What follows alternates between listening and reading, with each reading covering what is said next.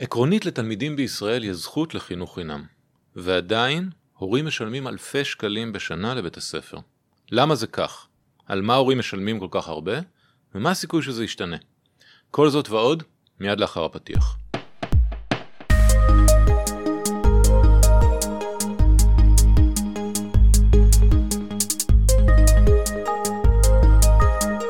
שלום וברוכים הבאים למחקר בשלוש קריאות, הפודקאסט של מרכז המחקר והמידע של הכנסת.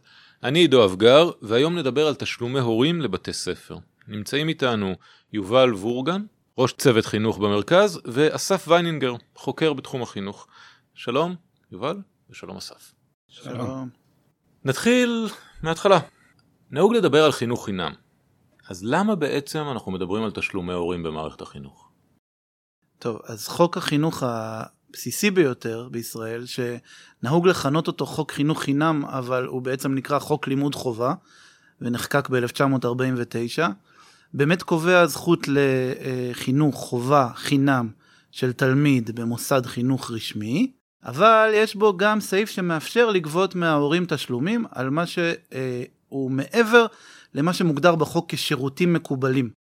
ומכאן באים תשלומי ההורים במערכת החינוך. גם בחוק הבסיסי השני שמסדיר את פעילות המערכת, חוק חינוך ממלכתי, אה, יש סעיף שבעצם מאפשר לגבות תשלומים מהורים עבור מה שמוגדר שם כתוכנית לימודים נוספת, או בראשי תיבות תל"ן, ובטח נרחיב עליה עוד בהמשך. אוקיי, okay, אז מה, מה בעצם נכלל במסגרת השירותים הנוספים האלו ש, שעליהם אה, בתי הספר יכולים לגבות תשלומי ההורים? יש לנו היום כמה סוגים של תשלומים כאלה, ננסה ככה לעבור על העיקריים שבהם. התשלום היחיד שמוגדר היום כתשלום חובה הוא תשלום עבור ביטוח תאונות אישיות, זה עומד היום על 49 שקלים לתלמיד בשנה.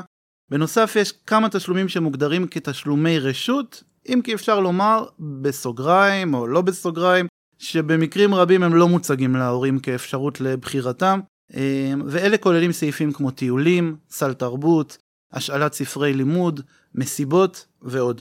בסך הכל התשלומים האלה נעים בין 200 ל-1300 שקלים בשנה לתלמיד, וזה בהתאם לשכבת הגיל שהוא לומד בה. יש תשלום נוסף שהוא השתתפות הורים עבור הזנה, במוסדות שבהם ניתנת ארוחה חמה לתלמידים במשך היום. שם מדובר כיום על 7 שקלים לארוחה, וצריך להכפיל את זה במספר הארוחות שניתנות לאורך השנה. כל התשלומים שציינו עכשיו הם תשלומים שעבורם נדרש מדי שנה אישור של ועדת החינוך של הכנסת לגבי עצם הגבייה שלהם וגובה הגבייה עבורם, ומוסדות החינוך אמורים לגבות אותם רק אחרי שהוועדה מאשרת. היסטורית קרה שהוועדה לא אישרה או שהסכום אה, ירד או... למשל בשנת הפריצה של משבר הקורונה, אה, שלא היה ברור אם אפשר לקיים את כל הטיולים המתוכננים או את פעילויות התרבות המתוכננות, הוועדה החליטה לחלק את התשלומים שמשרד החינוך ביקש אה, לשני חלקים, שיגבו בשתי פעימות, ולמעשה אישרה בהתחלה רק חצי מהתשלום המבוקש עבור חלק מה, מהדברים, אז כן, הוועדה יכולה להחליט גם לא לאשר בכלל סעיף מסוים וגם לאשר סכום שונה מהמבוקש. אוקיי, okay, והתשלומים האלה ש- שפירטת ושהם אה, מחייבים אה, אישור של אה, ועדת החינוך של הכנסת, בעצם אלה התשלומים הנוספים שנגבים? לא, אלה לא התשלומים היחידים. בפועל ניתן לגבות תשלום מהורים עבור משהו שמוגדר כיום כרכישת שירותים מרצון. למשל, אולי אנחנו מכירים את זה כרכישה מרוכזת של ציוד אומנות, זה מותר כיום בסכום של בין 125 ל-450 שקלים לתלמיד, והזכרנו מקודם את התל"ן, תוכנית לימודים נוספת. אלו למעשה שעות העשרה ותגבור שיכולות לבוא בנוסף לשעות הלימוד הרגילות. בעיקרון, לפי הגדרת החוק, זה לפי דרישת ההורים, וכל עוד זה במימון הרשות המקומית או ההורים עצמם, לא המדינה. אה, סכומי הגבייה המותרים עבור תל"ן יכולים להיות גבוהים למדי. זה הופך אותו לעניין די מרכזי בכל הנושא הזה של תשלומי ההורים. לא ניכנס כאן לכל ההבחנות האפשריות, אבל העלות הבסיסית של תל"ן שאפשר לגבות היא בין 600 ל-1150 שקלים, ובמקומות מסוימים יכול להינתן אישור למה שמוגדר כתל"ן מוגבר, ואז העלויות הן יכולות להיות 2,000 שקלים לתלמיד ואפילו יותר מזה. ובעצם התשלומים האלה שהזכרת עכשיו לא צריכים אישור של ועדת חינוך של הכנסת? לא, מבחינת החוק התשלומים האלה לא דורשים אישור של הוועדה, קיים נוהג שמקפידים עליו בשנים האחרונות להביא אותם לידיעת הוועדה, את גובה התשלומים שמשרד החינוך אה, מתיר לגבות עבורם, אה, אבל גם אם הוועדה ממש לא מרוצה מזה או לא מסכימה, לא דרוש אישורה מבחינה פורמלית, יש על זה הרבה ביקורת.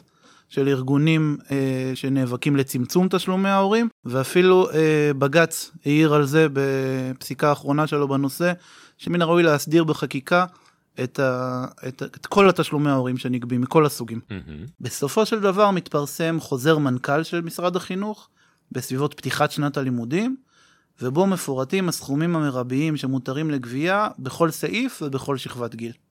אז הזכרת פה לא מעט אה, סעיפים עם אה, אה, תשלומי הורים שמגיעים למאות ואף אלפי שקלים אה, לתלמיד. בוא אולי תיתן לנו רגע תמונה יותר כוללת מה המדינה משלמת ומה ההורים משלמים. כן, המדינה מממנת את מערכת החינוך בסכומים גבוהים מאוד.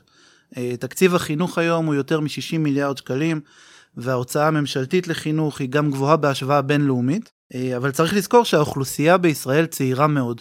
יש הרבה מאוד ילדים משמע יש הרבה מאוד תלמידים במערכת והתקציב מתחלק בין כולם, כך שההוצאה פר תלמיד היא כבר לא כזו גבוהה כשמשווים uh, ביחס למדינות אחרות, ואנחנו רואים שהתקציב לא מכסה את כל שירותי החינוך או את כל הצרכים של המוסדות, כך שחלקם ממומנים uh, בכספי הורים.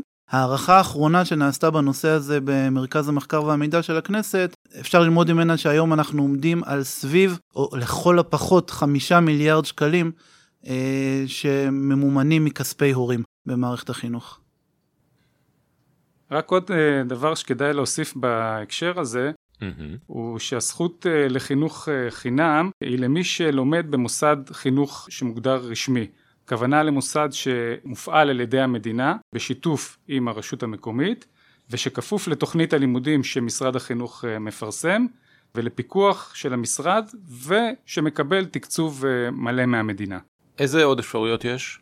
אה, ככה, יש במערכת החינוך לא מעט תלמידים שלומדים במוסדות שמוגדרים מוסדות מוכרים שאינם רשמיים.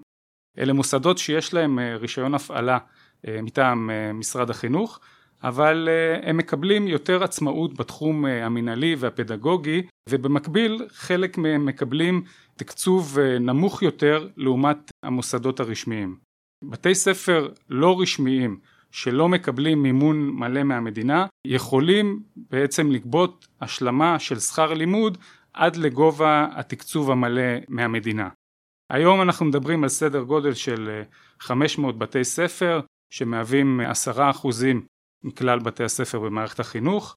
הסכומים שנגבים במסגרת הזו לא נחשבים אמנם תשלומי הורים במובן הצר אה, של ההגדרה, אבל כשאנחנו מדברים על אה, חינוך חינם ועל תשלומים שהורים נדרשים לשלם לבתי ספר, אז כדאי גם לקחת אותם בחשבון. אוקיי, okay, אז אלה הסכומים המרביים, ופה בעצם אנחנו מגיעים לדבר המעניין, לניתוח המעניין שעשיתם במסמך האחרון שכתבתם בנושא. מה בעצם בדקתם במסמך הזה ומה גיליתם? מה שבדקנו במסמך שלנו הוא את השאלה כמה כסף מבקש כל אחד מבתי הספר לגבות עבור uh, תשלומי הורים. אחרי שמתפרסם חוזר uh, המנכ"ל השנתי שקובע באופן עקרוני את הסכומים המקסימליים שאפשר לגבות, עדיין כל בית ספר צריך לקבל אישור ברמה הפרטנית לגובה התשלומים שהוא מבקש uh, לגבות מהורי התלמידים שלומדים uh, בבית הספר שלו. הוא עושה את זה באמצעות מערכת אינטרנטית שנקראת מערכת אפיק, שלתוכה הוא מזין את התשלומים שהוא מבקש אה, לגבות, והוא אמור לקבל אישור פרטני של המפקח מטעם אה, משרד החינוך לגבייה של אה, אותם התשלומים. מה שאנחנו עשינו, אנחנו הלכנו ובדקנו את כל בתי הספר במערכת החינוך ואת אלה שקיבלו אישור לגבייה במערכת אפיק ואת הסכומים שהם ביקשו לגבות. במערכת אפיק יש נתונים על כל בתי הספר וכל התשלומים שנגבים מההורים? אז זהו, שלא לא ממש. לפי הנתונים שאנחנו ניתחנו, 86% מבתי הספר אה, הממלכתיים והממלכתיים אה, דתיים דיווחו במערכת הזו כמו, כמו שצריך. לעומת זאת, בחינוך החרדי אנחנו מצאנו תת דיווח משמעותי מאוד, כשרק 13% מבתי הספר בחינוך החרדי דיווחו במערכת. Mm-hmm. מעבר לזה, יש לבתי ספר אפשרות לפנות לוועדות חריגים שמשרד החינוך מפעיל, ולבקש אישור מיוחד לגביית תשלומים גבוהים יותר ו- וחריגים לעומת אלה שמופיעים בחוזרי המנכ"ל. אה, הסכומים שמוגדרים באישורים החריגים שאותם בתי ספר אה, מקבלים הם לא תמיד מעודכנים במערכת אפיק אה, ולכן לצורך הניתוח של כלל התשלומים שמאושרים אנחנו עשינו בדיקה פרטנית שכללה גם את אותם בתי ספר חריגים, את האישורים החריגים האלה, מעבר למה שדווח במערכת אפיק. מדובר בעוד בערך 100 מוסדות שלא דיווחו במערכת כפי שצריך, והם מהווים חמישית מהמוסדות שלא דיווחו במערכת אפיק. יחד איתם אנחנו מגיעים לקרוב ל-90% מבתי הספר הממלכתיים והממלכתיים דתיים שנכללים בניתוח שאנחנו עשינו.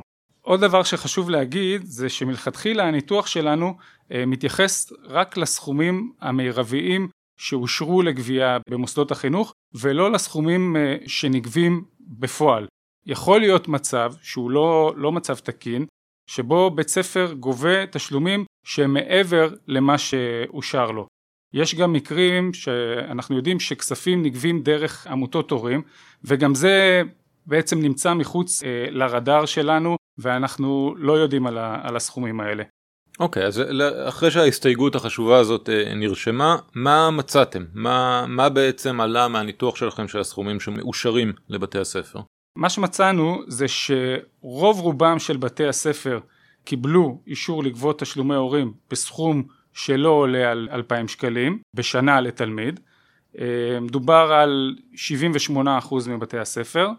שאר בתי הספר קיבלו אישור לגבות תשלומי הורים בסכום שעולה על 2,000 אה, שקלים. 6% מבתי הספר קיבלו אישור לגבות תשלומים בסכום שעולה אה, על 5,000 וביניהם גם אפשר למצוא כמה בתי ספר שקיבלו אישור לגבות אפילו יותר מעשרת אלפים שקלים בשנה לתלמיד. מעל לעשרת אלפים שקלים לשנה לכל תלמיד, זה הרבה כסף. אה, כן, לא מעט. יש לכם איזושהי יכולת אה, לשרטט פרופיל של בתי הספר שגובים סכומים גבוהים? אה, אז זה בדיוק מה שאנחנו עשינו. אנחנו בדקנו מי הם אותם בתי ספר שגובים מעל 2,000 שקלים, ומצאנו שיש דומיננטיות מאוד מאוד גדולה בקרב בתי ספר ממלכתיים דתיים, במיוחד העל יסודיים. למעשה מה שמצאנו זה ששלושה מכל ארבעה בתי ספר על יסודיים בחינוך אה, הממלכתי דתי גובים למעלה מאלפיים אה, שקלים. עוד דבר שמצאנו והוא בטח לא יפתיע אף אחד הוא שיש קשר מאוד ברור בין סכום הגבייה לרקע הסוציו-אקונומי של התלמידים. כלומר מה שמצאנו זה שככל שהרקע הסוציו-אקונומי חזק יותר, התשלום גבוה יותר ולהפך. אז ציירת לנו תמונה של המצב בתוך ישראל. איפה, איפה ההורים הישראלים נמצאים ביחס להורים במדינות אחרות? בקשר למצב בעולם, העניין הוא מורכב יותר. אנחנו יודעים שהרבה מדינות מאפשרות למוסדות החינוך שלהם לגבות תשלומים עבור שכר לימוד ועבור שירותים נוספים אה, אבל אין לנו איזשהו מקור מידע זמין שמאפשר לנו להשוות בין אה, היקפי הגבייה ברזולוציה של אה, מוסדות ציבוריים שזו הרזולוציה ש, שמעניינת אותנו. אנחנו כן יודעים לומר ששיעור ההוצאה הפרטית של משקי הבית בישראל על מוסדות חינוך ציבוריים ופרטיים הוא דומה לשיעור הממוצע במדינות ה-OECD וגבוה מהשיעור הממוצע במדינות האיחוד האירופאי. מה שצריך לקחת בחשבון זה שההשוואה הזו מאוד מוגבלת כי יש שונות מאוד גדולה מבחינת שיעור המוסדות הפרטיים בכל אה, מדינה. אוקיי, okay, אז, אז בוא נחזור רגע לארץ. אני מבין שככלל סכומי תשלומי ההורים מאושרים על ידי משרד החינוך ובסעיפים מסוימים גם על ידי ועדת החינוך של הכנסת, ובכל זאת למרות שניתן אישור אני מניח שיש הורים שלא יכולים לעמוד אה, אה, בתשלומים שנקבעו ואושרו. אז מה בעצם עושים אותם הורים שלא יכולים לשלם, או מה המערכת עושה עם אה, אותם תלמידים שההורים לא יכולים לשלם עבור השירותים שהם מקבלים? השאלה הזאת עולה לעיתים קרובות גם, ב, גם בדיוני ועדת החינוך אה, בכנסת. יש סיוע מסוים. משרד החינוך מקצה מדי שנה סכום של כ-100 מיליון שקלים אה, למלגות סיוע לתלמידים שהוריהם מתקשים לשלם עבור הנושאים האלה ש... שנגבים תשלומי הורים אה, בשבילם. ההקצאה של תקציב המלגות הזה לבתי הספר נעשית על פי קריטריונים חברתיים כלכליים. השנה, בשנת אה, לימודים תשפ"ב, התקציב הזה הוגדל ל-130 מיליון שקלים. הוא עדיין לא עונה לכל הצורך של אותם uh, תלמידים נזקקים, המלגה הממוצעת בדרך כלל לא מכסה את כלל תשלומי ההורים שנדרשים. חשוב להגיד שעל פי נוהלי משרד החינוך uh, אסור למנוע מתלמידים להשתתף בפעילויות בשל אי תשלום שנובע מקשיים כלכליים, ולא סתם מסרבנות שאין לה איזה הצדקה מיוח... כלכלית. ובתי הספר במקרים האלה צריכים למצוא את הפתרונות, לשתף את התלמידים, גם אם היה להם קושי כלכלי לשלם, למצוא את הפתרונות באמצעות הרשות המקומית והנהלת בית הספר. אוקיי, okay, אז אנחנו יושבים בכנסת, ואני רוצה לשאול אתכם, מה בעצם העמדה של ועדת החינוך של הכנסת לגבי כל העניין הזה של תשלומי הורים, לגבי המכלול, לגבי איך שהנושא מוסדר בישראל ומטופל. הוועדה לאורך השנים הביעה עמדה די עקבית שצריך לבטל את תשלומי ההורים. למשל, דובר על כך שטיולים הם מרכיב ערכי אינטגרלי שהוא חלק בלתי נפרד מהחינוך שאמור להינתן כ... כחינוך חינם. ובין היתר הוועדה שמה דגש על ההשפעה של תשלומי ההורים בתחום של הרחבת פערים ואי שוויון במערכת החינוך. הוועדה הדגישה גם את החשיבות של הסיוע לתלמידים אה, שהוריהם מתקשים לעמוד בתשלומים, כפי שהזכרנו אה, קודם, ואת החשיבות לבצע בקרה ואכיפה כלפי המוסדות שגובים מעבר למה שהותר לגבות. בדיון האחרון שקיימה הוועדה בנושא באוגוסט השנה, לפני תחילת שנת הלימודים הנוכחית, הודיעה יושבת ראש הוועדה, חברת הכנסת שרן השכל, שהיא תפעל להסדיר את הגבייה של אה, כלל תשלומי ההורים באמצעות חקיקה. לפני שאני אשאל אותך על החקיקה, רציתי לשאול רגע, דיברת על אה, בקרה ואכיפה כלפי גביית יתר, והזכרתם שבעצם מערכת אפיק מספרת לכם כמה אושר לגבות ולא כמה נגבה בפועל. יש לכם איזשהו מידע על בתי ספר שחורגים מהסכום המותר? המידע הזה היום הוא לא מספיק אה, מלא ומקיף ומהימן. יש בקרה מדגמית שמשרד החינוך עורך על כמה מאות בתי ספר כל שנה, לא בודקים את כל סעיפי הגבייה. זה נושא שמצריך התייחסות יותר מקיפה ממה, ש... ממה שקיימת היום. אנחנו יודעים שיש חריגות, אנחנו רואים שיש תלונות שמגיעות גם לוועדה אנחנו מוצאים את הנושא הזה לפעמים בדיווחים של אה, מבקרים פנימיים ברשויות המקומיות, שבודקים את בתי הספר ומגלים שיש שם יותר כספים ממה שהיו אמורים לגבות, אבל זה לא מידע שלם כמו שיש לנו כרגע על הסכומים המאושרים. הבנתי. אז אה, הזכרת קודם חקיקה, ואני רוצה לשאול, אולי לסיום, מה בעצם מונח כרגע על השולחן? יש איזה שהן הצעות לחלופות, לשינוי המצב הקיים?